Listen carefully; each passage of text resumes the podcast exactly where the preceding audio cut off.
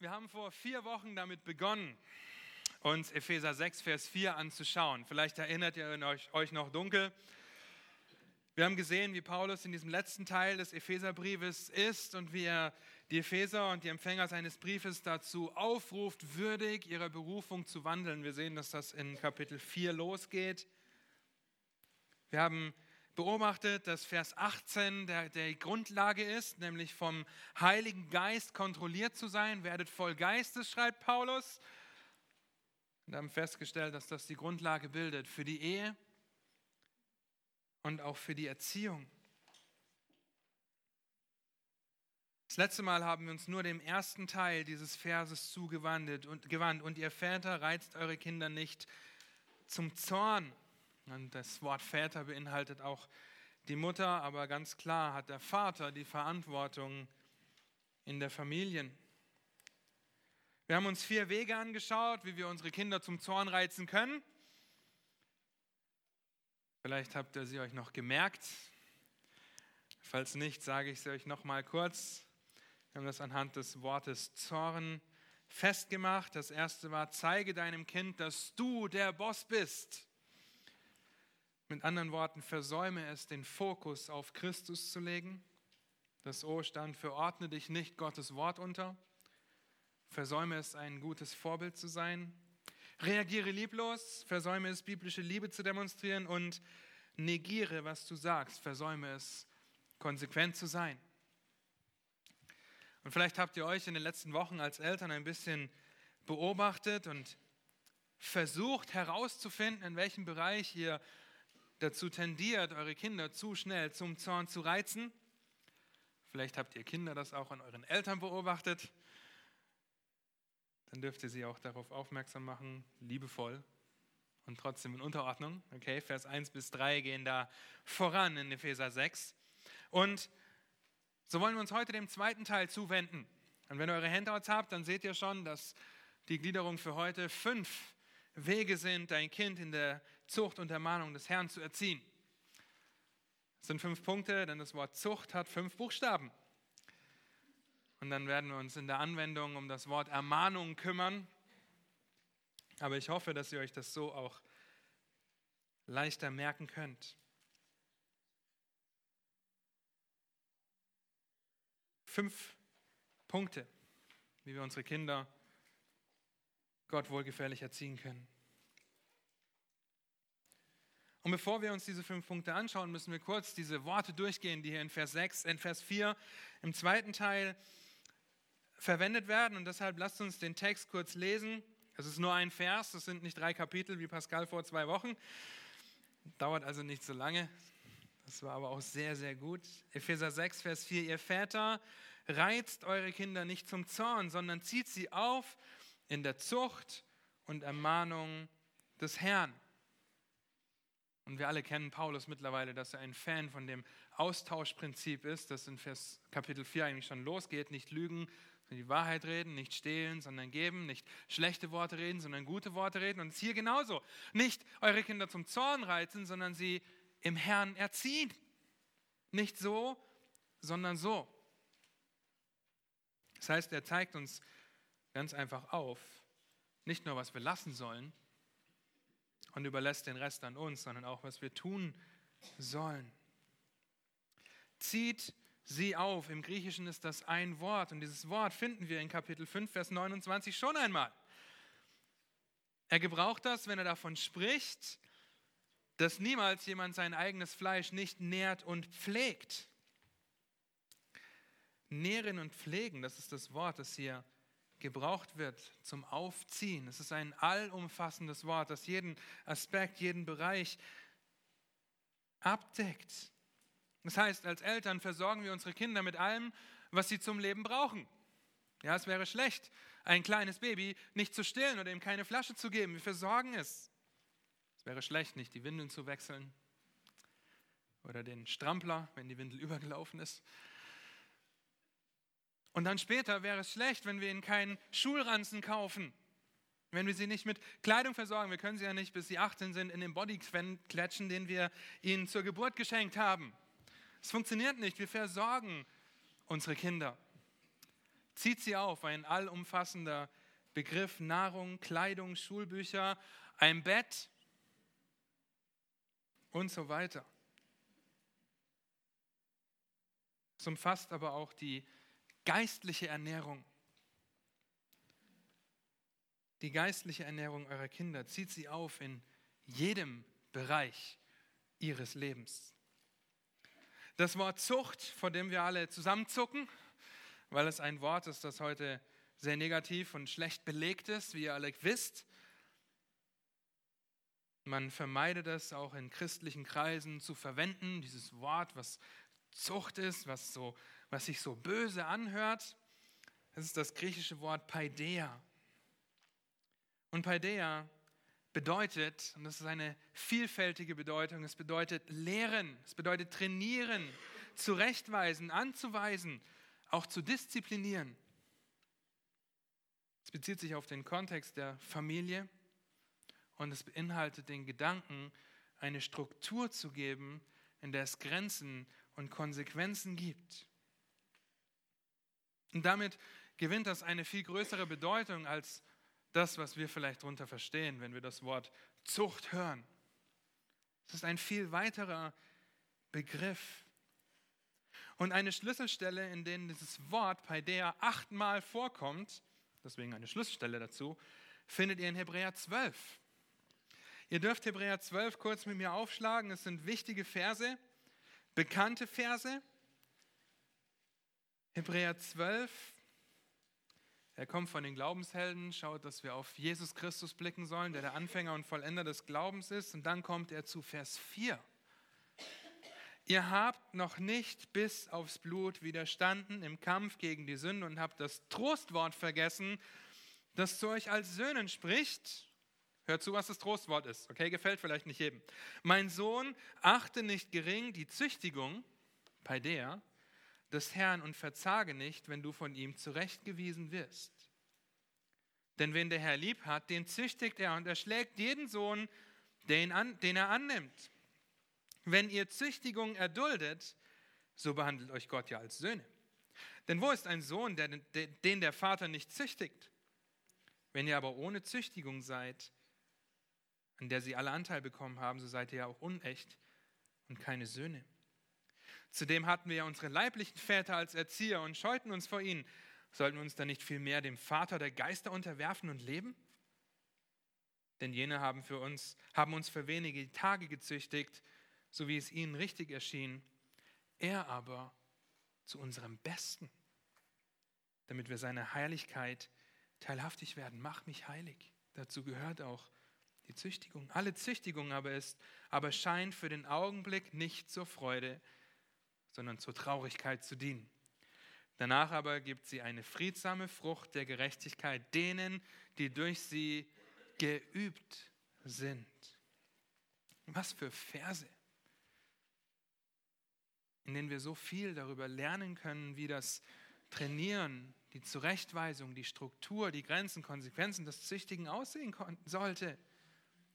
Ihr Lieben, Konsequenzen ja, scheinen für uns für den Augenblick nie eine schöne Sache zu sein. Zum Zahnarzt zu gehen ist nie eine schöne Sache. Und wenn er da mit der Spritze kommt und euch eine Krone versetzt oder eine Plombe, dann tut das weh für den Moment. Aber wenn die Heilung durchschritten ist, was passiert dann? Dann dient es zu unserem Besten. Es wäre schlecht, wenn wir nicht zum Zahnarzt gehen würden in der Erziehung ganz genauso. Wenn wir konsequent sind und klare Grenzen setzen, für die es Konsequenzen gibt, und da darf sich jedes Ehepaar intensiv Gedanken drüber machen, ihr könnt dazu die Sprüche durchlesen, dann scheint das für den Moment schmerzhaft zu sein, auch für die Eltern das durchzuziehen, für die Kinder diese Konsequenzen anzunehmen, aber es sollte zur Freude dienen, zum Besten dienen. Das können wir hier lernen, was Gott mit uns tut, wenn er uns in die Herausforderungen unseres Lebens stellt, wenn er uns liebevoll auf sein Wort hinweist, dann geschieht das manchmal durch viel Schmerzen, durch viel Herzschmerz, durch Kämpfe, die wir durchmachen, aber es dient immer zu unserem Besten. scheinbare Traurigkeit, aber es ist das Beste. Gott ist liebevoll, konsequent mit seinen Kindern. Auch so sollen wir liebevoll, konsequent mit unseren Kindern sein. Er gibt uns einen Rahmen, eine Struktur vor, die finden wir in seinem Wort, setzt klare Grenzen und Konsequenzen im Guten wie im Schlechten. Erinnert euch an 5. Mose 28. Jetzt kann sein, dass das falsche Kapitel sage, wo es um Segen und Fluch geht. Ja, wenn ihr mir gehorsam seid, dann werdet ihr gesegnet werden. Wenn ihr mir nicht gehorsam seid, dann wird das die und die Konsequenzen haben. Und Gott macht von Anfang an klar, dass es Konsequenzen gibt, sowohl für Gutes als auch für Schlechtes. Das macht er schon viel früher. 1. Mose 3 macht er deutlich, wenn du vom Baum der Erkenntnis isst, musst du sterben. Gott ist nicht so, dass er ohne Warnung, ohne Aufruf, ohne Aufforderung sofort einfach irgendein Gericht umsetzt und durchsetzt. Es gibt immer eine Warnung. Er ist konsequent. Und wir haben sein Wort vorliegen, an dem wir uns ausrichten können. In einem anderen sehr bekannten Vers wird deutlich, um was es geht, was die Grundlage dafür ist. Und ihr alle, ich bin mir sicher, ihr alle kennt diesen Vers. 2. Timotheus 3, Vers 16 und 17. Auch da kommt dieses Wort vor. Alle Schrift ist von Gott eingegeben und nützlich zur Belehrung, zur Überführung, zur Zurechtweisung, zur Erziehung. Das ist das Wort, was Paulus in Epheser 6 benutzt. In der Gerechtigkeit, damit der Mensch Gottes ganz zubereitet sei, zu jedem guten Werk völlig ausgerüstet. Es geht also um Erziehung, die mit Konsequenzen trainiert und belehrt, die klare Strukturen setzt Grenzen setzt, nicht auf eine boshafte und zornige Art und Weise, wir sollen unsere Kinder nicht zum Zorn reizen, sondern klare Grenzen aufzeigt und sie auch konsequent umsetzt. Ist essentiell auch für die Erziehung unserer Kinder, wenn wir sie im Herrn erziehen wollen. Und wenn ihr an Sport denkt, ans Militär denkt, an so ziemlich jeden Bereich in unserer Gesellschaft, dann hört ihr oder wisst ihr von Disziplinarmaßnahmen. Wenn ein Soldat aus der Reihe tanzt, dann werden erst einmal 50 Liegestützen gemacht. Das geht bei den kleinsten Kleinigkeiten los, dass er sein Bett nicht ordentlich gemacht hat. Ihr wisst das. Vielleicht habt ihr es auch selber erlebt. Weiß ich ja nicht. Du hast deinen Kleiderschrank nicht aufgeräumt, dein Spind ist nicht ordentlich. Liegestützen. Ja? Diese Konsequenzen im Kleinen, die sich auswirken auf das Große. Überlegt, wenn er im Krieg in der ersten Reihe, in der Front aus der Reihe tanzt und du ihm dann erstmal sagen musst, Liegestützen. Nein, das muss schon viel früher trainiert werden. Oder im Sport, gerade beim Fußball. Gelbe Karte, Verwarnung, rote Karte vom Platz. Du hast nicht die Möglichkeit, die 90 Minuten jeden Spieler tot zu grätschen, wie du willst. Das ist eine zurechtweisende Maßnahme, die den Spieler und auch die Kollegen, die Mitspieler vor Dummheiten schützt und ihn anspornt, sich an Regeln zu halten. Und wieso gibt es für alles mögliche Konsequenzen? Geschwindigkeit, Gesetze, gelbe Karte, Platzverweis. Aber die Kindererziehung heute? Nein, man setzt keine Grenzen, man gibt vor allem keine Konsequenzen mehr man überlässt die Kinder sich selbst, dann wird das schon. Das ist Quatsch. Wir sündigen, unsere Kinder sündigen. Wir brauchen die Gnade Gottes, die wir nur in seinem Wort finden können. Und hier heißt es, zieht sie auf in der Zucht und Ermahnung des Herrn. Leider gibt es auch unter vielen Christen diese Auffassung, dass man das bloß nicht anwenden darf dass man nicht konsequent sein sollte, das ist doch nicht liebevoll. Wir haben gerade Hebräer 12 gelesen. Es ist nicht liebevoll, Züchtigung zurückzuhalten. Das haben wir beim letzten Mal gesehen. Es ist ein Weg, das Kind zum Zorn zu reizen. Was für ein Trugschluss. Ihr dürft euch die Sprüche durchlesen. 31 Kapitel, der Monat hat 30 oder 31 Tage. Lest jeden Tag ein Kapitel und Ihr werdet in der Weisheit wachsen, was die Sprüche sagen. Und ihr werdet feststellen, dass die Sprüche nichts anderes als Belehrungen sind, eine Struktur geben, die ein Vater seinem Sohn weitergibt. Und er zeigt die Konsequenzen auf, zeigt, worum es geht, was der Tor tut und wie er sich verstrickt, was der Ehebrecher tut, wie er sich verstrickt. Er zeigt auf, worum es geht. Studiert die Sprüche mit euren Kindern, um sie in der Zucht des Herrn aufzuziehen. Ermahnung, der zweite Aspekt. Wir sind noch bei der Einleitung, wir schaffen das. Der zweite Aspekt, den Paulus in Epheser 4, 6, Vers 4 aufzeigt, wir sollen unsere Kinder in der Ermahnung des Herrn aufziehen. Dieses Wort kommt ebenfalls nicht nur in Bezug auf unsere Kinder vor. Das Wort bedeutet Anweisung geben oder warnen oder eben Ermahnung. In Bezug auf das Volk Israel in der Wüste schreibt Paulus an die Korinther und Pascal hat uns das schon ausgelegt. Alle diese Dinge aber, die jenen widerfuhren, sind Vorbilder und sie wurden zur Warnung aufgeschrieben für uns. Das, was Israel in der Wüste verbockt hat, wurde für uns zur Warnung aufgeschrieben. Oder Kolosser 1, Vers 28, ihn verkündigen wir, indem wir jeden Menschen ermahnen, dasselbe Wort, und jeden Menschen lehren in aller Weisheit, um jeden Menschen vollkommen in Christus darzustellen. Darum geht es bei der Ermahnung. Einen weiteren wichtigen Vers findet ihr in Römer 15, Vers 14. Ich selbst aber, schreibt Paulus, meine Brüder, die habe die feste Überzeugung von euch, dass auch ihr selbst voller Gütigkeit seid, erfüllt mit aller Erkenntnis und fähig, einander zu ermahnen. Das heißt, wenn du ein Kind Gottes bist, dann bist du fähig, jemand einen, deinen Nächsten zu ermahnen. Das bezieht sich genauso auf deine Kinder. Du bist fähig, deine Kinder zu ermahnen. Diese Aufforderung, einander zu ermahnen, finden wir in so vielen Stellen der Schrift. Gerade Römer 15, Vers 14, das macht deutlich, wie diese Ermahnung aussehen soll, voll Gütigkeit, mit aller Erkenntnis, die übrigens nur aus Gottes Wort und durch seinen Geist kommt. Zieht eure Kinder auf in der Zucht und Ermahnung des Herrn. Das Herrn ist hier Kyrios. Es wird für den einen König, einen Herrscher oder Besitzer verwendet. Und wie Pascal letzte Woche gesagt hat, ist es das Wort, das die Septuaginta, das griechische, die griechische Übersetzung des Alten Testaments, gebraucht, um Jahwe zu bezeichnen, um das Wort Jahwe zu übersetzen. Soll zur Ehre dessen geschehen, der alles, auch unsere Kinder, in seiner Hand hält. Ihr Lieben, dazu müssen wir sein Wort kennen und umsetzen. Durch seinen Geist, der in uns wirkt, der uns die Frucht gegeben hat, uns mit jedem geistlichen Segen gesegnet hat, das umzusetzen, was er sagt. Auch und gerade im Bereich der Kindererziehung. So wichtig.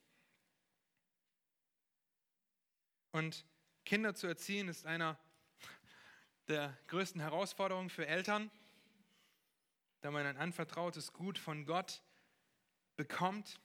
Und deshalb wollen wir uns fünf Wege anschauen, Fünf Wege, wie wir unsere Kinder in der Zucht und der Mahnung des Herrn aufziehen können. Und der erste Weg ist es, deinen Kindern das Kreuz zu zeigen. Zeige ihnen das Kreuz. Verkünde ihnen das Evangelium, die gute Nachricht der Rettung durch unseren Herrn Jesus Christus. So wie wir hoffentlich mit unseren Arbeitskollegen sprechen, mit Passanten auf der Straße, mit Familienangehörigen, ihnen das Evangelium verkündigen, so müssen wir es zuerst unseren Kindern verkündigen.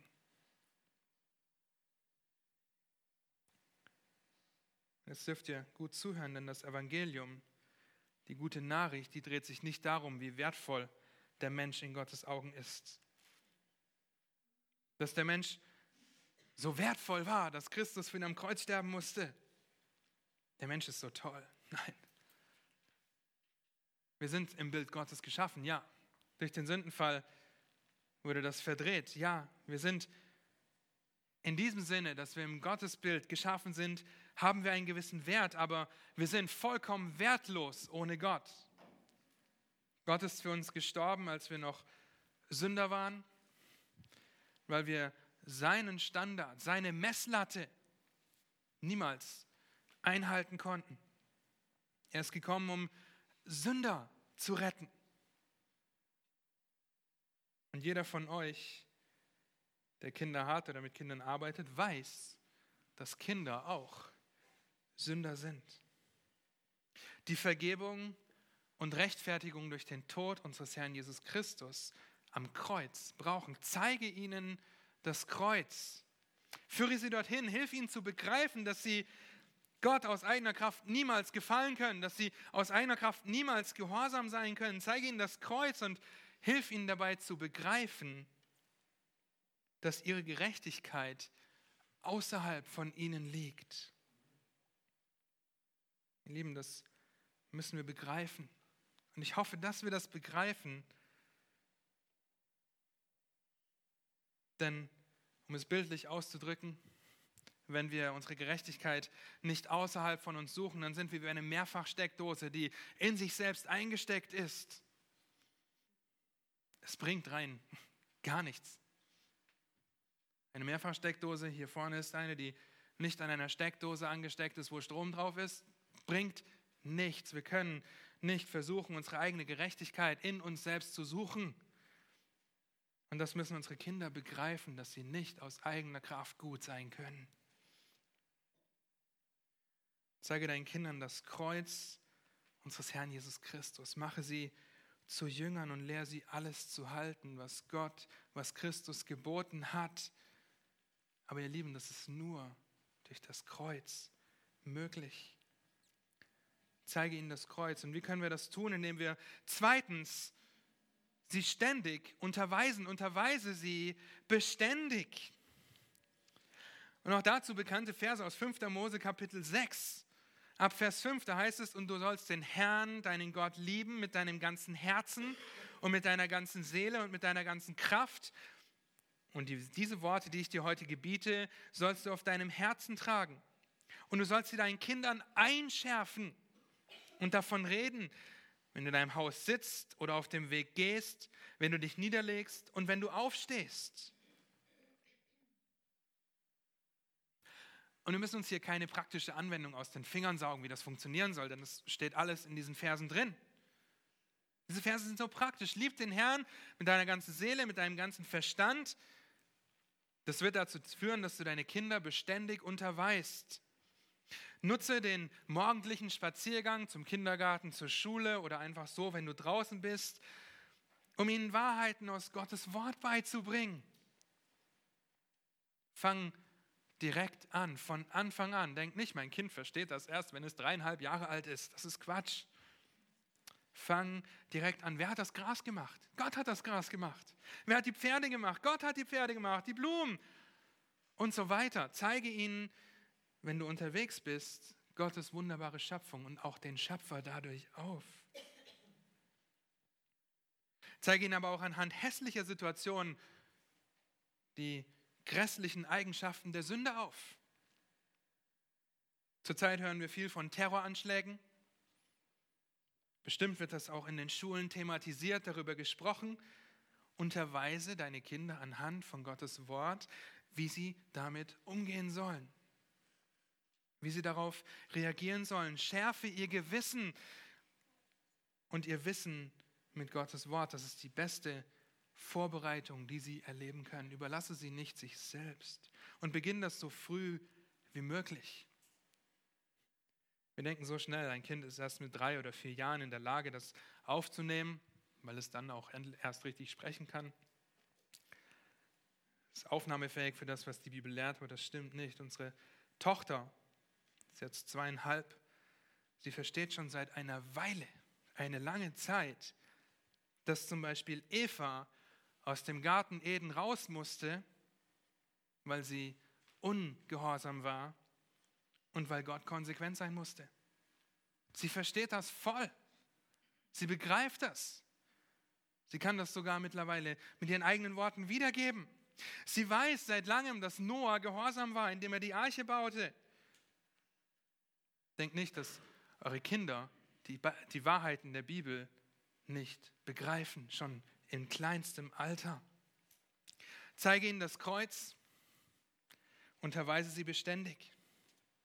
Und wisst ihr, so schnell sind wir in der Erziehung unserer Kinder dabei, uns darauf zu konzentrieren, uns um ihr Verhalten Sorgen zu machen. konsequenter gegen ihr Fehlverhalten vorzugehen als gegen ihren Charakter.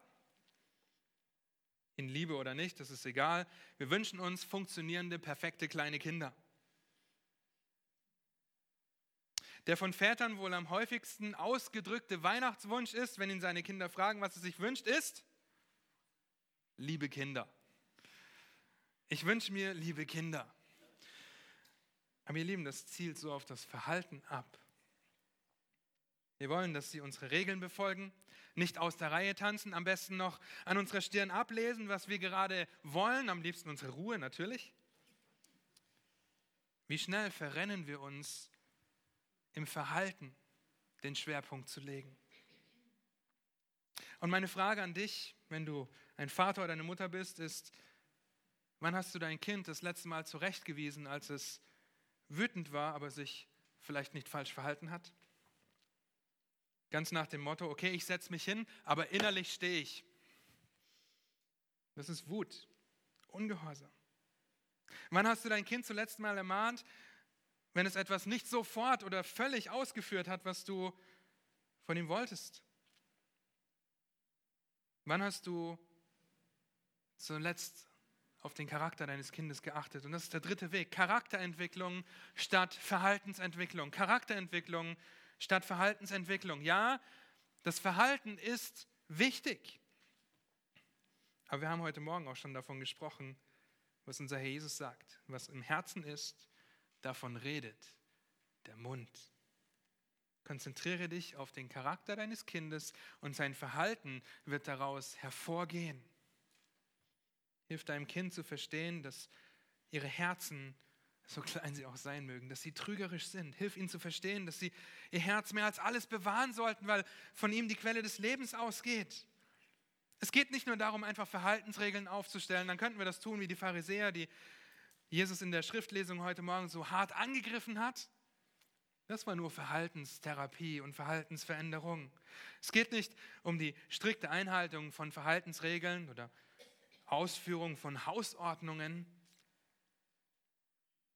Ihr Lieben, das geschieht durch vorsichtiges, liebesvolles Herangehen an das Herz deines Kindes, durch Zucht und Ermahnung, wie die Schrift es sagt.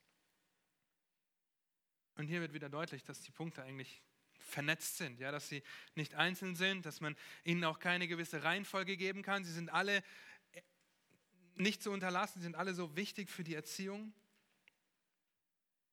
Erforsche den Charakter deines Kindes und tue das, indem du Gottes Wort zu Rate ziehst. Erforsche mich, o Gott, und erkenne mein Herz, schreibt David. Und Hebräer 4, Vers 12, ihr kennt diese Verse auch, denn das Wort Gottes ist lebendig und wirksam und schärfer als jedes zweischneidige Schwert. Und es dringt durch, bis es schneidet, sowohl Seele als auch Geist, sowohl Mark als auch Gelenke, sowohl Mark als auch Gelenke. Und es ist ein Richter der Gedanken und Gesinnung des Herzens. Es geht um das Herz. Es geht um den Charakter. Und das können wir anhand von Gottes Wort ausfindig machen. Gedanken und Gesinnungen des Herzens, nicht des Verhaltens, steht hier im Hebräerbrief.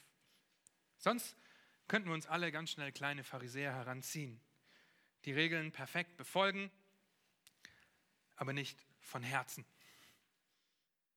Forme den Charakter deiner Kinder, indem du Gottes Wort häufig, ständig liest und ihnen vor Augen hältst. Verhalten ist wichtig, ja, aber stelle sicher, warum das Verhalten wichtig ist und dass das aus ihrem Herz, aus ihrem Charakter hervorgehen wird. Was im Herzen ist, davon redet der Mund. Zeige ihnen das Kreuz, unterweise sie beständig, Charakterentwicklung statt Verhaltensentwicklung. Und viertens, Hingabe. Hingabe im Sinne von Nächstenliebe und von Gottes Liebe.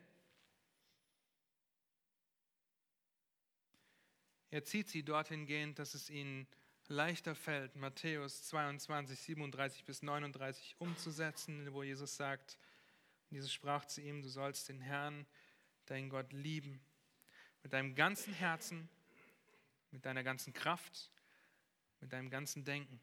Das ist das erste und größte Gebot. Und das zweite ist dem vergleichbar. Du sollst deinen Nächsten lieben wie dich selbst. Und ihr Lieben, das geht nicht, indem wir unsere Kinder sich selbst überlassen. Wenn wir Kinder machen lassen, was sie wollen, werden sie ganz bestimmt nicht ihre Spielsachen mit dem Nächsten teilen, ganz bestimmt nicht die Süßigkeiten auf dem Teller ihres Nachbarkindes liegen lassen. Ja, weil unsere Kinder Sünder sind. Sünder, die selbstsüchtig und egoistisch sind, nur an sich denken. Und wir müssen ihnen beibringen, was es bedeutet, Hingabe zu zeigen. Das tust du dadurch, dass du ihnen ganz praktisch zeigst, was es heißt zu geben. Und ich freue mich immer so sehr, wenn ich sehe, wenn hier die Kollekte durchgereicht wird, wie die Kinder in die Kollekte geben. Und Kinder, die tun das mit einer Freude, mit einem Strahlen, weil sie irgendwo was reinschmeißen dürfen wahrscheinlich. Aber so lernen sie von Anfang an, was es heißt zu geben. Und sie tun das mit einer größeren Freude als manch einer Erwachsener, der sagt, eigentlich will ich gar nicht. Ja, aber ich muss ja. Ja, dann kannst du es auch lassen. Bringen wir ihnen bei, zu geben. Ob das bedeutet, ein Spielzeug abzugeben, wenn ein anderer das gerne hätte. Ob das bedeutet, einzustecken auf dem Schulhof. Ja, wir wollen uns, ich möchte meinen Kindern nicht beibringen, dass es darum geht, mit Ellbogen durch die Gesellschaft zu gehen. Ja, das sollen wir nicht tun. Wir wollen ihnen helfen, zu lernen, was es heißt, hingegeben zu sein und dem anderen auch zu dienen. Ich weiß und ich bin mir dessen bewusst, dass das nicht geht, ohne dass sie errettet werden. Ja, wenn wir früh anfangen, ihnen das beizubringen und Gott Gnade schenkt und sie rettet, dann werden sie es so viel einfacher haben, Gott die Ehre zu geben. Und es wird nicht erst ein Kampf und eine lange Arbeit dorthin. Und auch so ist es einfach weise, das zu tun, weil es sie auf das Leben vorbereitet. Das Leben dreht sich nicht um eure Kinder. Ja, spätestens wenn sie in der Schule sind, können sie nicht mehr machen, was sie wollen. Machen sie vielleicht trotzdem, aber sollten sie eigentlich nicht. Wenn sie eine Arbeit suchen, ihr Lieben, ihr könnt nicht zu eurem Arbeit, zu einem äh, Bewerbungsgespräch gehen und sagen, okay, äh, ich kann leider erst um 10 Uhr anfangen mit der Arbeit, wenn der Typ, der dir gegenüber sitzt, sagt, ja, um 8 geht's los. Um 8 schon? Nee, ich kann frühestens um 10, weil es dreht sich alles um mich und wehe, du sagst jetzt, ich kann da nicht um 10 erst anfangen. Nein, ihr Lieben, es dreht sich nicht um eure Kinder. Es dreht sich in der Erziehung eurer Kinder nicht um eure Kinder. Es dreht sich um Gottes Reich und was wir ihm beibringen. Und hier, ihr könnt das Kärtchen rausholen, was wir in der ersten Stunde gemacht haben. Wie ihr euch entscheidet, das wird einen Ausgang haben. Und das wird einen Ausgang haben, das größere Kreise zieht als nur um euch selbst. Wenn ihr euch in der Erziehung entscheidet, ach, ich gehe den einfachen Weg. Ich überlasse mein Kind sich selbst, kann machen, was es will, ich bin nicht konsequent. Ihr Lieben, dann wird das fatale Folgen haben. Zu guter Letzt der fünfte Punkt. Der fünfte Weg, der heute leider in vielen Familien nicht ernst genommen wird. Das ist Treue. Treue im Sinne von Gehorsam, die wir von unseren Kindern erwarten sollten. Epheser 6, Vers 1. Ihr Kinder, ihr Kinder, ihr Kinder, hört ihr zu? Seid gehorsam euren Eltern in dem Herrn, denn das ist recht. Aber wie sollen unsere Kinder wissen, was es heißt, gehorsam zu sein, wenn wir ihnen nicht beibringen, was Gehorsam ist? Wenn wir nicht beibringen, was es bedeutet, dass sie gehorsam sind. Und das ist mit äußerster Dringlichkeit verbunden, Gehorsam zu fordern. Und das liegt mir sehr am Herzen, dass ihr diesen Punkt versteht, denn ich beobachte häufig leider, dass Kinder aus der Reihe tanzen bzw. den Anweisungen ihrer Eltern nicht gehorchen. Ich beobachte das auch hier in unseren Reihen dass sie den Anweisungen ihrer Eltern keine Aufmerksamkeit schenken und das ohne Konsequenz geduldet wird.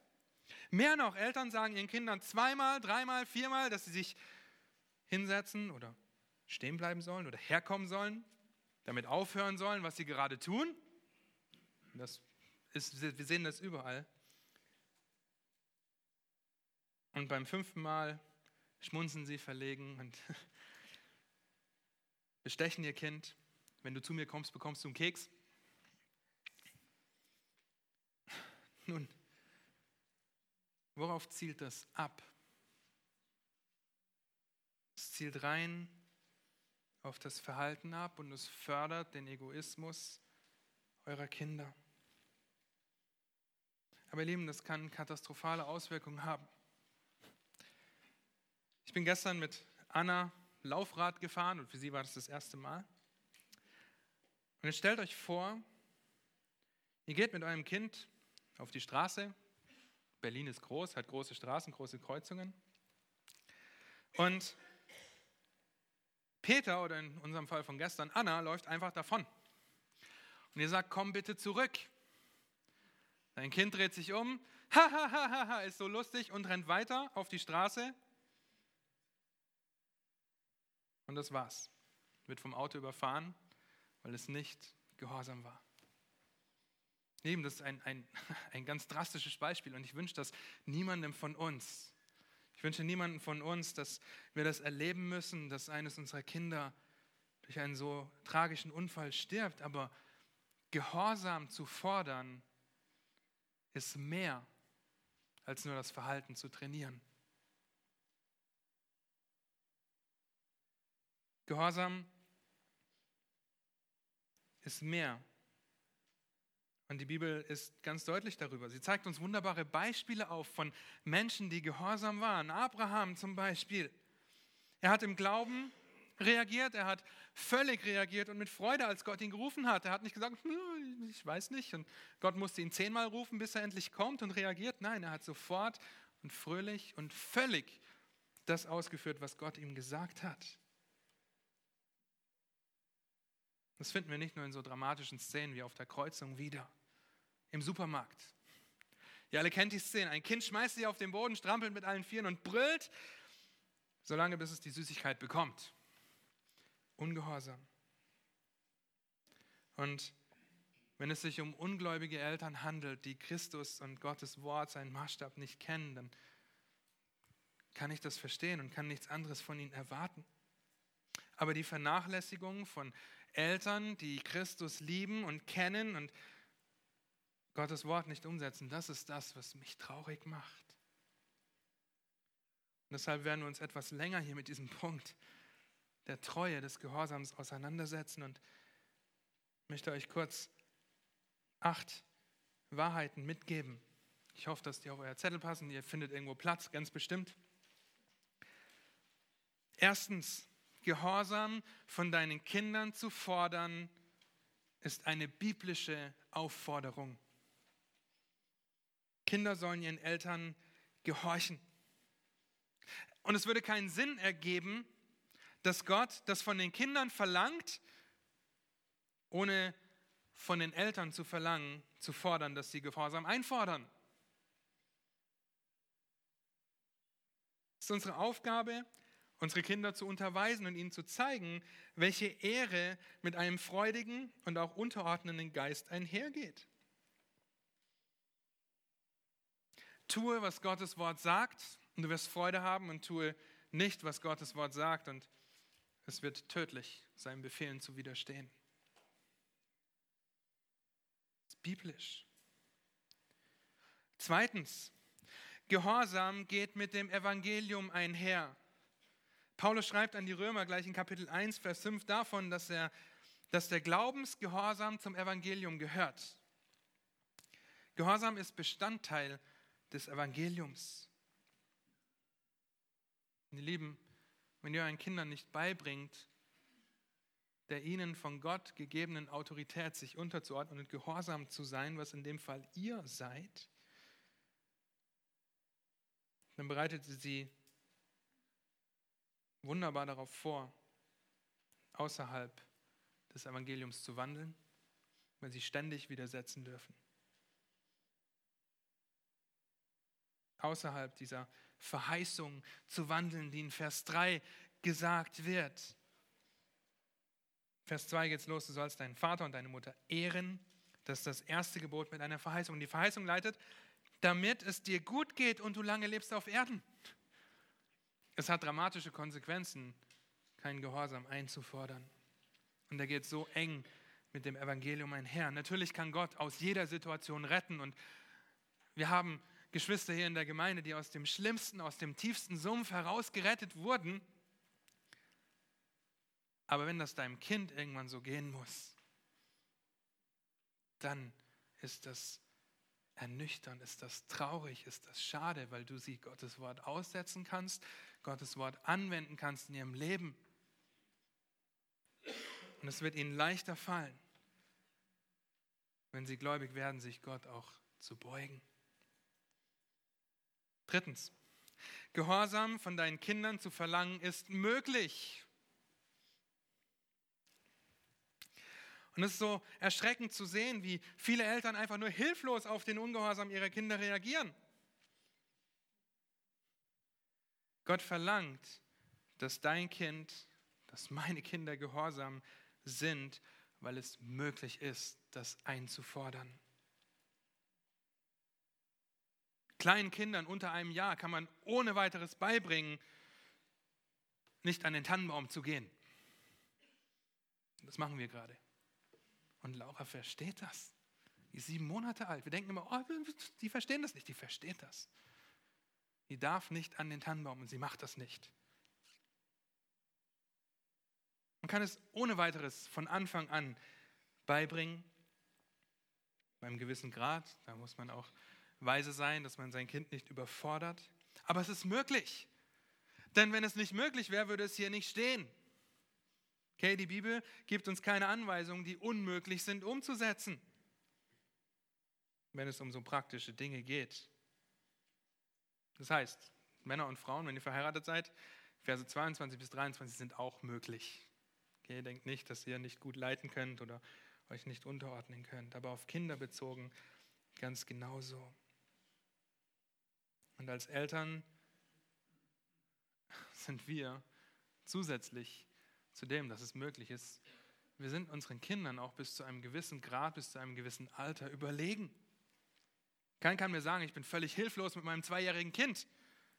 Du bist ihm kräftemäßig überlegen, du bist ihm wahrscheinlich geistig überlegen, hoffe ich auf jeden Fall. Ja, wäre schlecht, wenn nicht. Lieben, wir sind ihnen überlegen. Und diese Gelegenheit können wir nutzen auf eine liebevolle Art und Weise, den Gehorsam einzufordern. Nutze diese Gelegenheit der Überlegenheit, um sie zur Freude zu erziehen und sie nicht in ihrer Selbstsucht sich wohlen zu lassen. Viertens. Gehorsam sollte zu Hause mit Kleinigkeiten geübt werden, damit es in der Öffentlichkeit, wenn es darauf ankommt, funktioniert. Gehorsam sollte zu Hause mit Kleinigkeiten geübt werden, damit es in der Öffentlichkeit, wenn es darauf ankommt, funktioniert. Das ist eine Antwort auf die Frage, warum Kinder so außer Kontrolle sind, wenn sie in der Öffentlichkeit sind. Die tanzen in der Schule auf den Tischen rum, können nicht still sitzen, nicht mal eine Stunde. Das ist die Antwort, weil sie zu Hause nicht im Kleinen unterwiesen wurden, gehorsam zu sein. Eine der vielen Gründe, warum wir Eltern darin versagen, ist vielleicht, weil uns die Sache den Kampf nicht wert ist. Es ist einfacher, schnell die Sache selbst in die Hand zu nehmen oder einfach Schwamm drüber zu sagen und hinwegzugehen und Sünde in Liebe zuzudecken. Ja, ihr kennt diese Ausrede vielleicht. So viel einfacher, als sich die Zeit zu nehmen, seinem Kind den Gehorsam beizubringen, im Kleinen.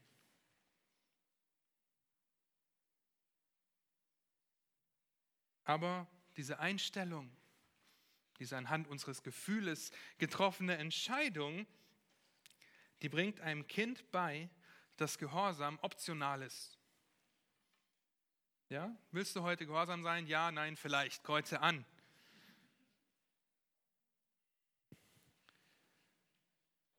Und wenn du darin beständig bist, von deinem Kind Gehorsam zu fordern in den Kleinigkeiten, zu Hause, üb das zu Hause, dann wirst du deinem Kind dabei helfen, auch in der Öffentlichkeit aushaltbar zu sein.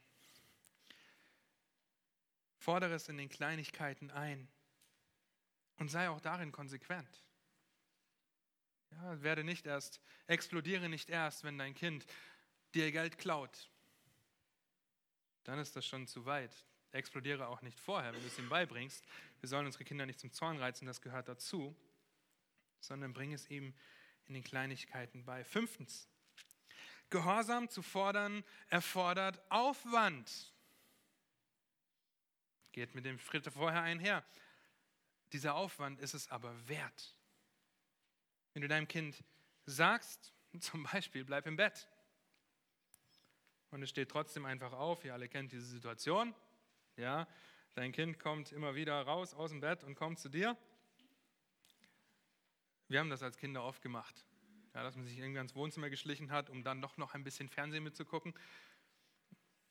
Ihr Lieben, das war nicht gehorsam von uns. Und anstatt den Ungehorsam zu behandeln und konsequent zu sein, ist es oft so, dass dann einfach gesagt wird, ja komm, geh einfach wieder ins Bett, das ist alles okay. Oder dann kommt diese Bestechung dazu, wer weiß. Ja? Ihr Lieben, wir müssen uns darin selbst prüfen.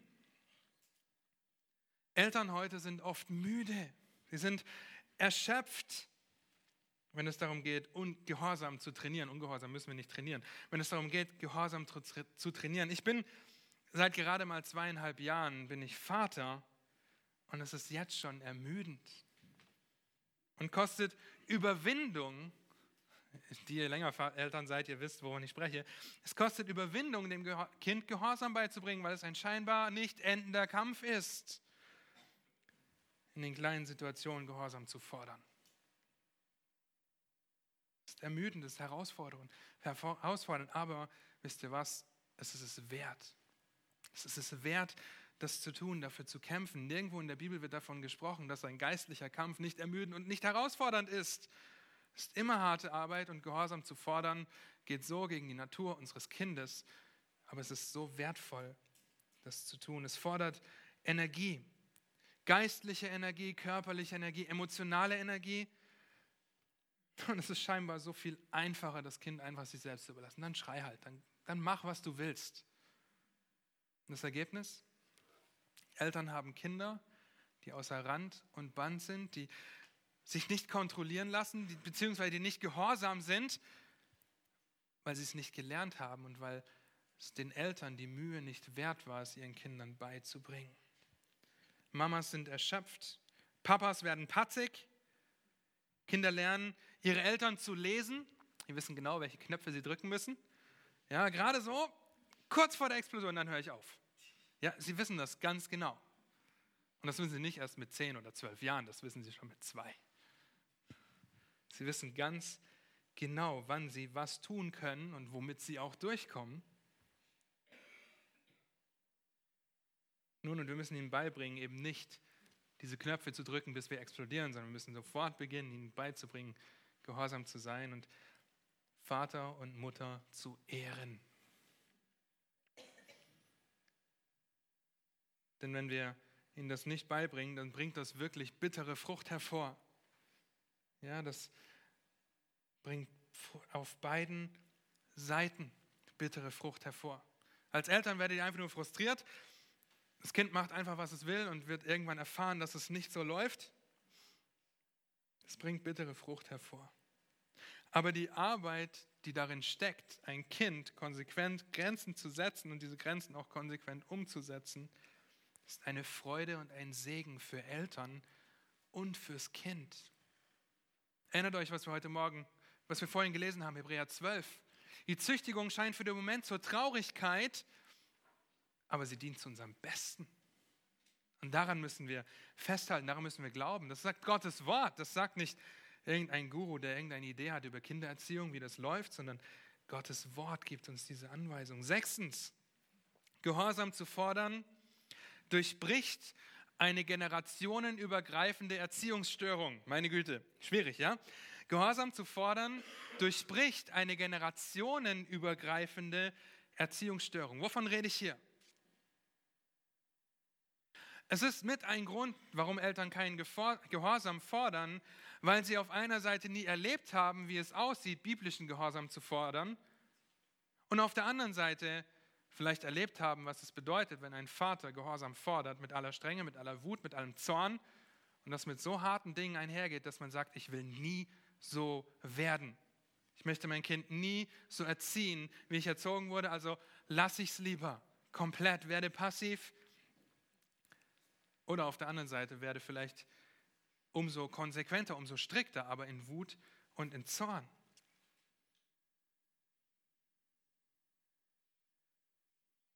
Und Eltern, und da gehören wir dazu. Wir wissen, dass wir kein zorniges Elternteil werden wollen. Ich hoffe, dass ihr nicht zu zornigen Eltern, Vätern oder Müttern werdet. Und die einzig scheinbar bekannte Alternative ist die Passivität.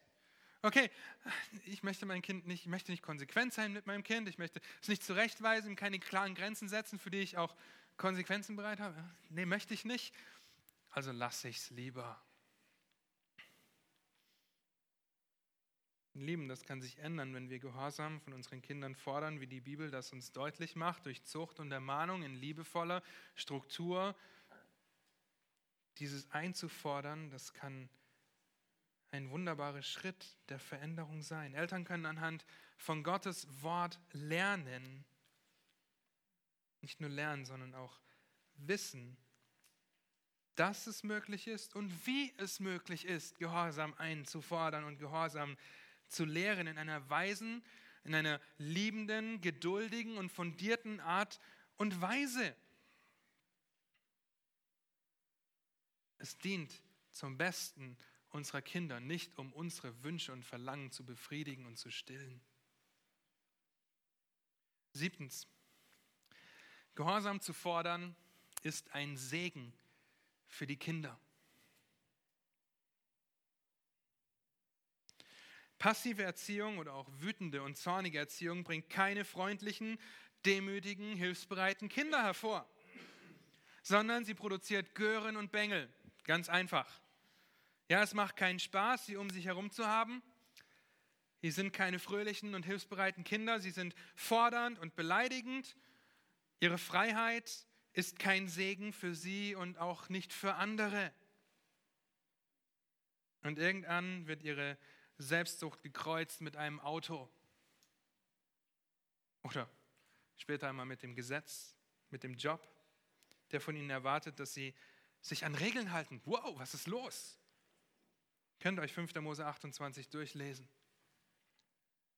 Und achtens, Gehorsam zu fordern bedeutet nicht Perfektion zu fordern. Es ist wichtig, dass wir diesen Unterschied verstehen. Es geht nicht um externen Perfektionismus und wir haben schon darüber gesprochen.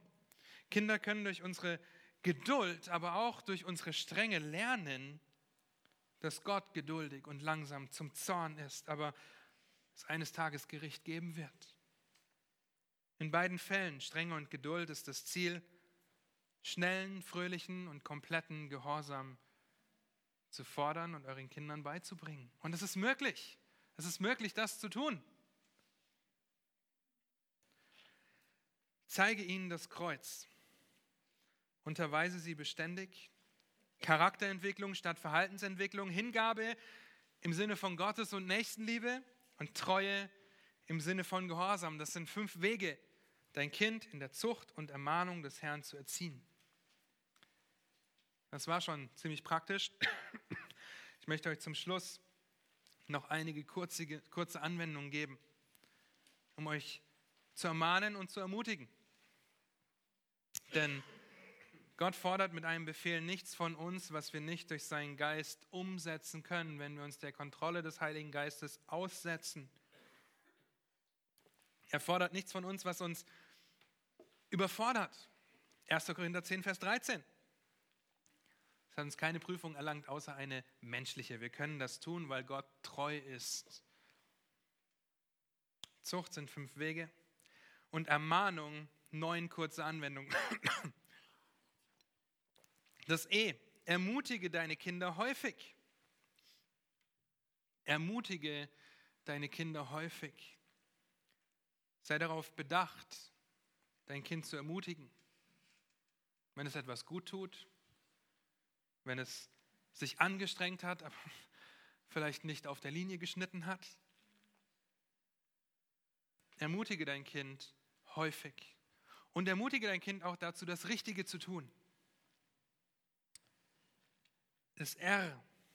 Richte deinen Blick auf Gott. Nicht nur, dass wir unsere Kinder beständig unterweisen sollen, nein, richte deinen eigenen Blick auf Gott, denn woanders wirst du keine Anweisung, wirst du keine Antworten auf die Frage finden, wie ich mein Kind erziehen soll. Richte deinen eigenen Blick auf Gott. Wo solltest du sonst etwas finden, wenn nicht in Gottes Wort?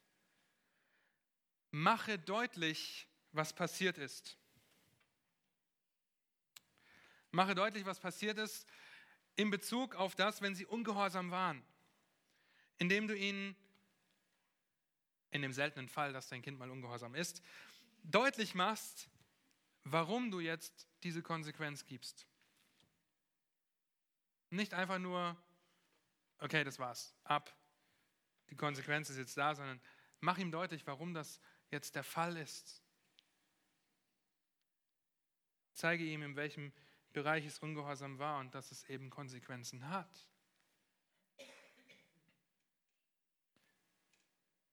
Und diese Konsequenzen können so vielfältig aussehen. Wir können hier nicht auf eine Konsequenz pochen und sagen, das ist der einzige Weg. Nein, es ist unterschiedlich. Aber mache deutlich, was passiert ist. Agiere für A. Dieter hat das heute Morgen gesagt, wir wollen agieren, nicht reagieren. Der Unterschied ist, wenn wir reagieren, dann explodieren wir aufgrund einer Situation. Oder dann reagieren wir aufgrund etwas, was passiert ist. Wenn wir agieren, dann erwarten wir schon eine gewisse Richtung der Situation und bereiten uns darauf vor. Das heißt, als Eltern, als Mütter und Väter macht ihr euch Gedanken darum, wie ihr euer Kind erziehen wollt, wo ihr Grenzen setzen wollt, wo ihr Gehorsam einfordern wollt und wo nicht. Wir können unserem Kind Freiheit geben. Wir haben Weisheit und dürfen durch Weisheit hier entscheiden. Wenn die Bibel nicht sagt, dass es Sünde ist, ich will, dass mein Kind Geige lernt und der Ehepartner sagt vielleicht, ich will, dass mein Kind Schlagzeug lernt und das Kind sagt, ich möchte Klavier lernen, dann dürfen wir mit Weisheit und Unterscheidungsvermögen einfach gucken, okay, was wäre jetzt das Beste? Und die größte Freude wäre es für das Kind wahrscheinlich, wenn es Klavier lernt und nicht irgendein Instrument, das wir ihnen aufdrücken.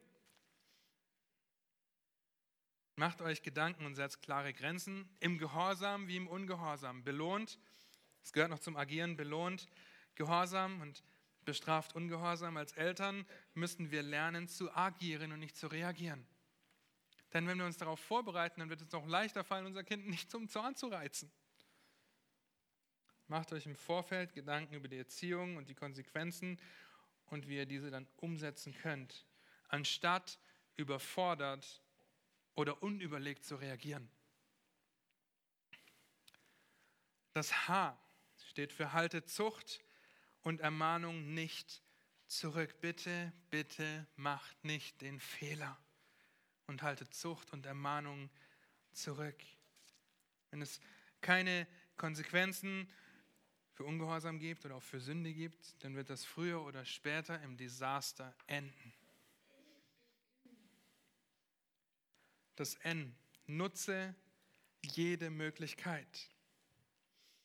Unterweise sie ständig, haben wir schon betrachtet.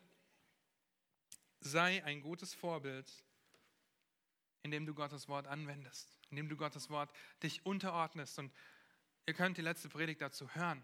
Kind nicht zum Zorn zu reizen, ja, nicht konsequent zu sein, sich nicht Gottes Wort unterzuordnen. Mach diesen Fehler nicht. Nutze jede Möglichkeit beim Spielen, beim Spazieren, bei der Familienandacht. Nutze jede Möglichkeit. Unterrichte durch dein Vorbild. Jetzt habe ich schon vorgegriffen vorhin auf das, was jetzt kommt. Sei ein gutes Vorbild, indem du dich selbst Gottes Wort unterordnest. Unterrichte durch dein Vorbild. Das vorletzte, nicht im Zorn. Hante nicht im Zorn, damit du dich an deinem Kind nicht versündigst. Und ihr Lieben, oft, oft erwischen wir uns dabei, dass wir im Zorn handeln. Aber dass vielleicht die Dinge, die wir sagen, dass wir die ernst meinen und dass wir das auch einfordern wollen, aber wir untergraben uns selbst, wie wir das sagen. Und dass wir das im Zorn sagen, das verliert dann an Bedeutung. Und wenn wir das tun, dann lasst uns schnell dabei sein, als Eltern zu unseren Kindern zu gehen und um Vergebung zu beten. Von Anfang an. Nicht das, wenn wir denken, die verstehen das. Nein, von Anfang an. Oh, wir müssen oft zu Laura gehen und um Vergebung beten. Mach das zu einer Gewohnheit in deinem Leben als Eltern. Und das G, last but not least, ist das Gebet. Eines der wichtigsten Aspekte ist das Gebet. Stelle dich durch Gebet in Gottes Abhängigkeit. Bete mit deinen Kindern. Bete mit und vor deinen Kindern für die Errettung deiner Kinder, dass sie begreifen, worum es geht. Durch Gebet stellen wir uns in Gottes Abhängigkeit. Wir halten uns vor Augen, dass wir es nicht alleine schaffen können. Wir halten uns vor Augen, dass wir es nicht alleine schaffen können, unsere Kinder in der Zucht und der Mahnung des Herrn zu erziehen, ohne sie dabei zum Zorn zu reizen. Lieben durch Gebet. Könnten hier die 5Gs auch noch aufführen. Es gehört alles so eng miteinander verbunden. Mach nicht den Fehler zu denken, du bist die Quelle deiner eigenen Gerechtigkeit. Und ihr Väter, reizt eure Kinder nicht zum Zorn, sondern zieht sie auf in der Zucht und Ermahnung des Herrn. Amen. Lass mich noch beten.